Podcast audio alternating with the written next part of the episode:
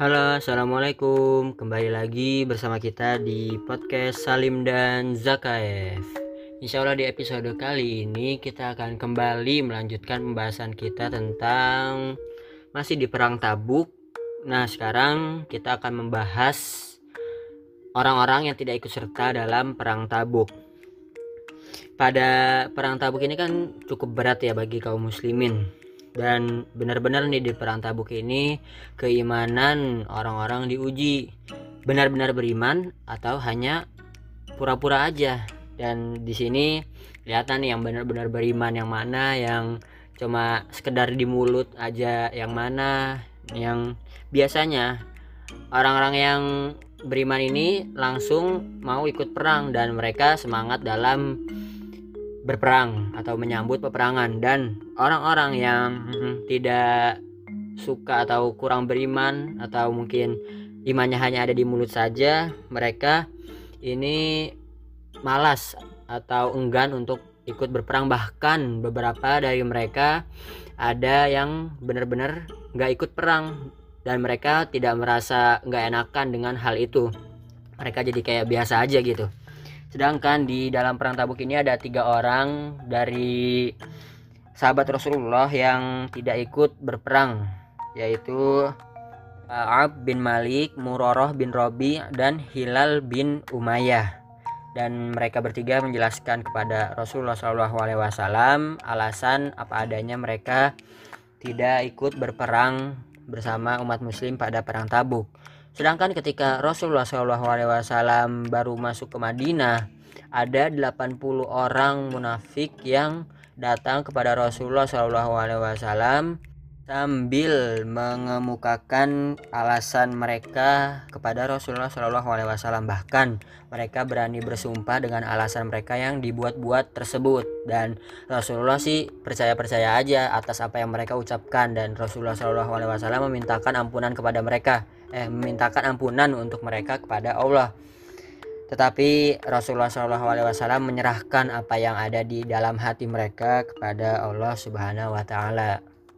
Sedangkan tiga orang sahabat Rasulullah SAW tadi yaitu Kaab bin Malik, Murarah bin Robi, dan Hilal bin Umayyah, mereka dihukum dengan pengucilan secara total dari orang-orang muslimin.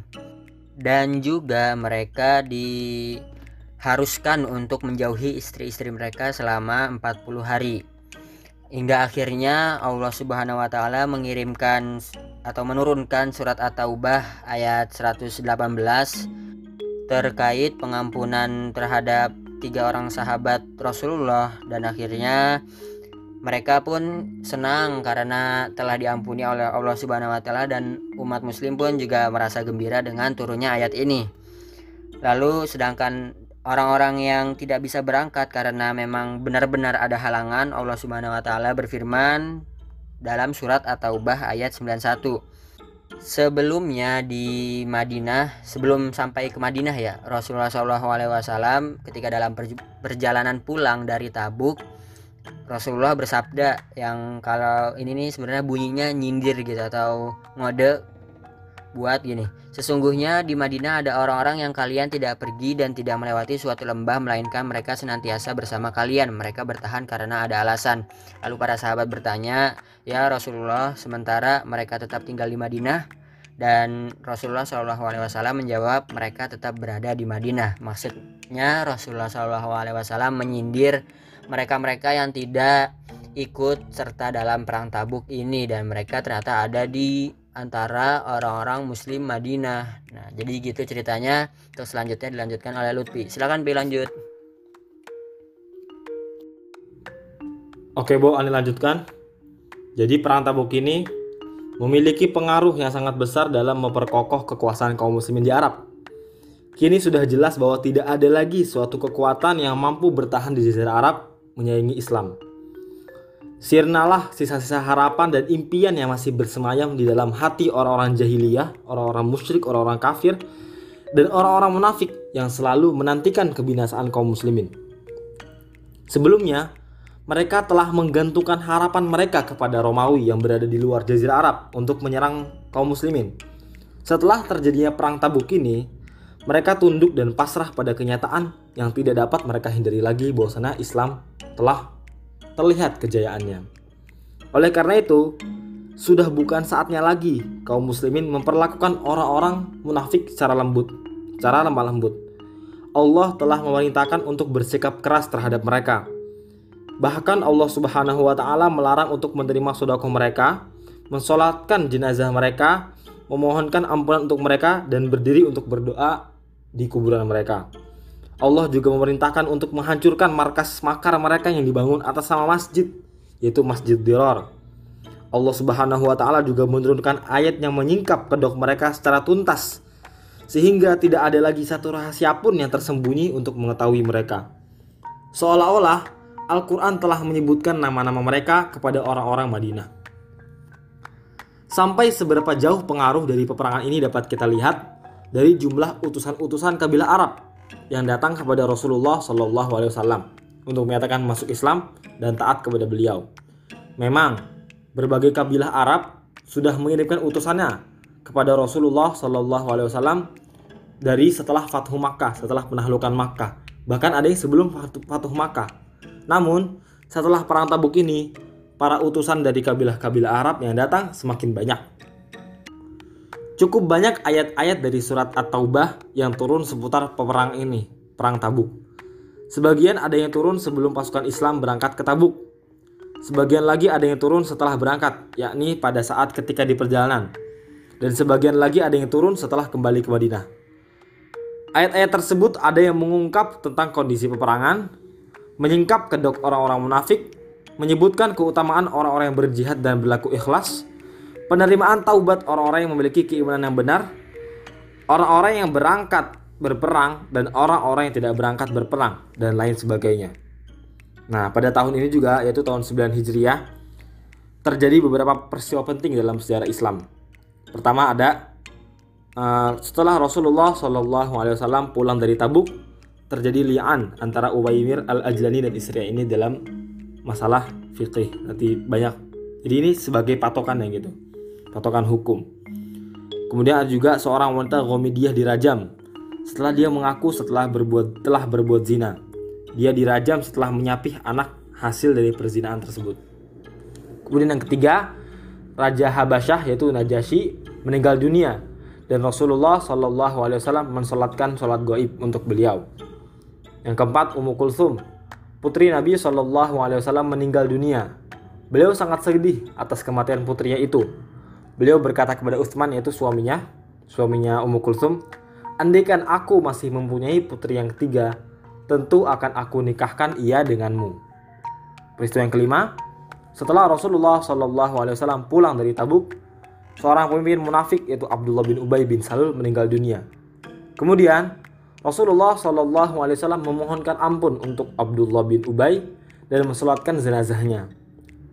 Setelah Umar berupaya mencegah beliau untuk mensolatkannya. Setelah itu, turunlah ayat Al-Quran yang membenarkan sikap Umar, yaitu tidak boleh untuk mensolatkan dan mendoakan orang-orang munafik. Nah, itulah akhir kisah dari Perang Tabuk. Nah, untuk kisah-kisah menarik selanjutnya bisa didengarkan di Spotify kita, podcast Salim dan Zakaev. Terima kasih atas perhatiannya. Barakallahu fikum. Wassalamualaikum warahmatullahi wabarakatuh. Oke, Bu, Ani lanjutkan.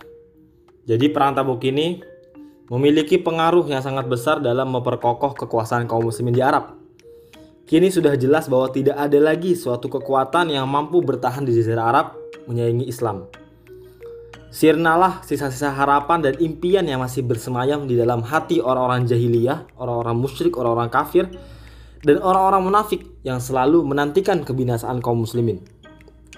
Sebelumnya, mereka telah menggantungkan harapan mereka kepada Romawi yang berada di luar Jazirah Arab untuk menyerang kaum muslimin.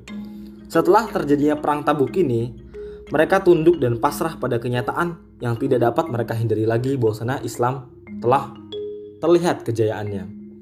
Oleh karena itu, sudah bukan saatnya lagi kaum muslimin memperlakukan orang-orang munafik secara lembut, secara lemah lembut. Allah telah memerintahkan untuk bersikap keras terhadap mereka Bahkan Allah Subhanahu wa taala melarang untuk menerima sedekah mereka, mensolatkan jenazah mereka, memohonkan ampunan untuk mereka dan berdiri untuk berdoa di kuburan mereka. Allah juga memerintahkan untuk menghancurkan markas makar mereka yang dibangun atas nama masjid, yaitu Masjid Dirar. Allah Subhanahu wa taala juga menurunkan ayat yang menyingkap kedok mereka secara tuntas sehingga tidak ada lagi satu rahasia pun yang tersembunyi untuk mengetahui mereka. Seolah-olah Al-Quran telah menyebutkan nama-nama mereka kepada orang-orang Madinah. Sampai seberapa jauh pengaruh dari peperangan ini dapat kita lihat dari jumlah utusan-utusan kabilah Arab yang datang kepada Rasulullah Wasallam untuk menyatakan masuk Islam dan taat kepada beliau. Memang berbagai kabilah Arab sudah mengirimkan utusannya kepada Rasulullah Wasallam dari setelah Fathu Makkah, setelah penahlukan Makkah Bahkan ada yang sebelum Fatuh Makkah. Namun, setelah perang Tabuk ini, para utusan dari kabilah-kabilah Arab yang datang semakin banyak. Cukup banyak ayat-ayat dari surat At-Taubah yang turun seputar peperang ini, perang Tabuk. Sebagian ada yang turun sebelum pasukan Islam berangkat ke Tabuk. Sebagian lagi ada yang turun setelah berangkat, yakni pada saat ketika di perjalanan. Dan sebagian lagi ada yang turun setelah kembali ke Madinah. Ayat-ayat tersebut ada yang mengungkap tentang kondisi peperangan, menyingkap kedok orang-orang munafik, menyebutkan keutamaan orang-orang yang berjihad dan berlaku ikhlas, penerimaan taubat orang-orang yang memiliki keimanan yang benar, orang-orang yang berangkat berperang dan orang-orang yang tidak berangkat berperang dan lain sebagainya. Nah, pada tahun ini juga yaitu tahun 9 Hijriah terjadi beberapa peristiwa penting dalam sejarah Islam. Pertama ada Eh, setelah Rasulullah Wasallam pulang dari Tabuk, terjadi li'an antara Uwaimir al Ajlani dan istrinya ini dalam masalah fikih. Nanti banyak. Jadi ini sebagai patokan yang gitu, patokan hukum. Kemudian ada juga seorang wanita Gomidiyah dirajam setelah dia mengaku setelah berbuat telah berbuat zina. Dia dirajam setelah menyapih anak hasil dari perzinaan tersebut. Kemudian yang ketiga, Raja Habasyah yaitu Najasyi meninggal dunia dan Rasulullah Shallallahu Alaihi Wasallam mensolatkan sholat goib untuk beliau. Yang keempat, Ummu Kulsum, putri Nabi Shallallahu Alaihi Wasallam meninggal dunia. Beliau sangat sedih atas kematian putrinya itu. Beliau berkata kepada Utsman yaitu suaminya, suaminya Ummu Kulsum, andaikan aku masih mempunyai putri yang ketiga, tentu akan aku nikahkan ia denganmu. Peristiwa yang kelima, setelah Rasulullah Shallallahu Alaihi Wasallam pulang dari Tabuk, seorang pemimpin munafik yaitu Abdullah bin Ubay bin Salul meninggal dunia. Kemudian Rasulullah Shallallahu Alaihi Wasallam memohonkan ampun untuk Abdullah bin Ubay dan mensolatkan jenazahnya. Setelah Umar berupaya mencegah beliau untuk mensolatkannya. Setelah itu, turunlah ayat Al-Quran yang membenarkan sikap Umar, yaitu tidak boleh untuk mensolatkan dan mendoakan orang-orang munafik. Nah, itulah akhir kisah dari Perang Tabuk. Nah, untuk kisah-kisah menarik selanjutnya bisa didengarkan di Spotify kita podcast Salim dan Zakaev. Terima kasih atas perhatiannya. Barakallahu fikum. Wassalamualaikum warahmatullahi wabarakatuh.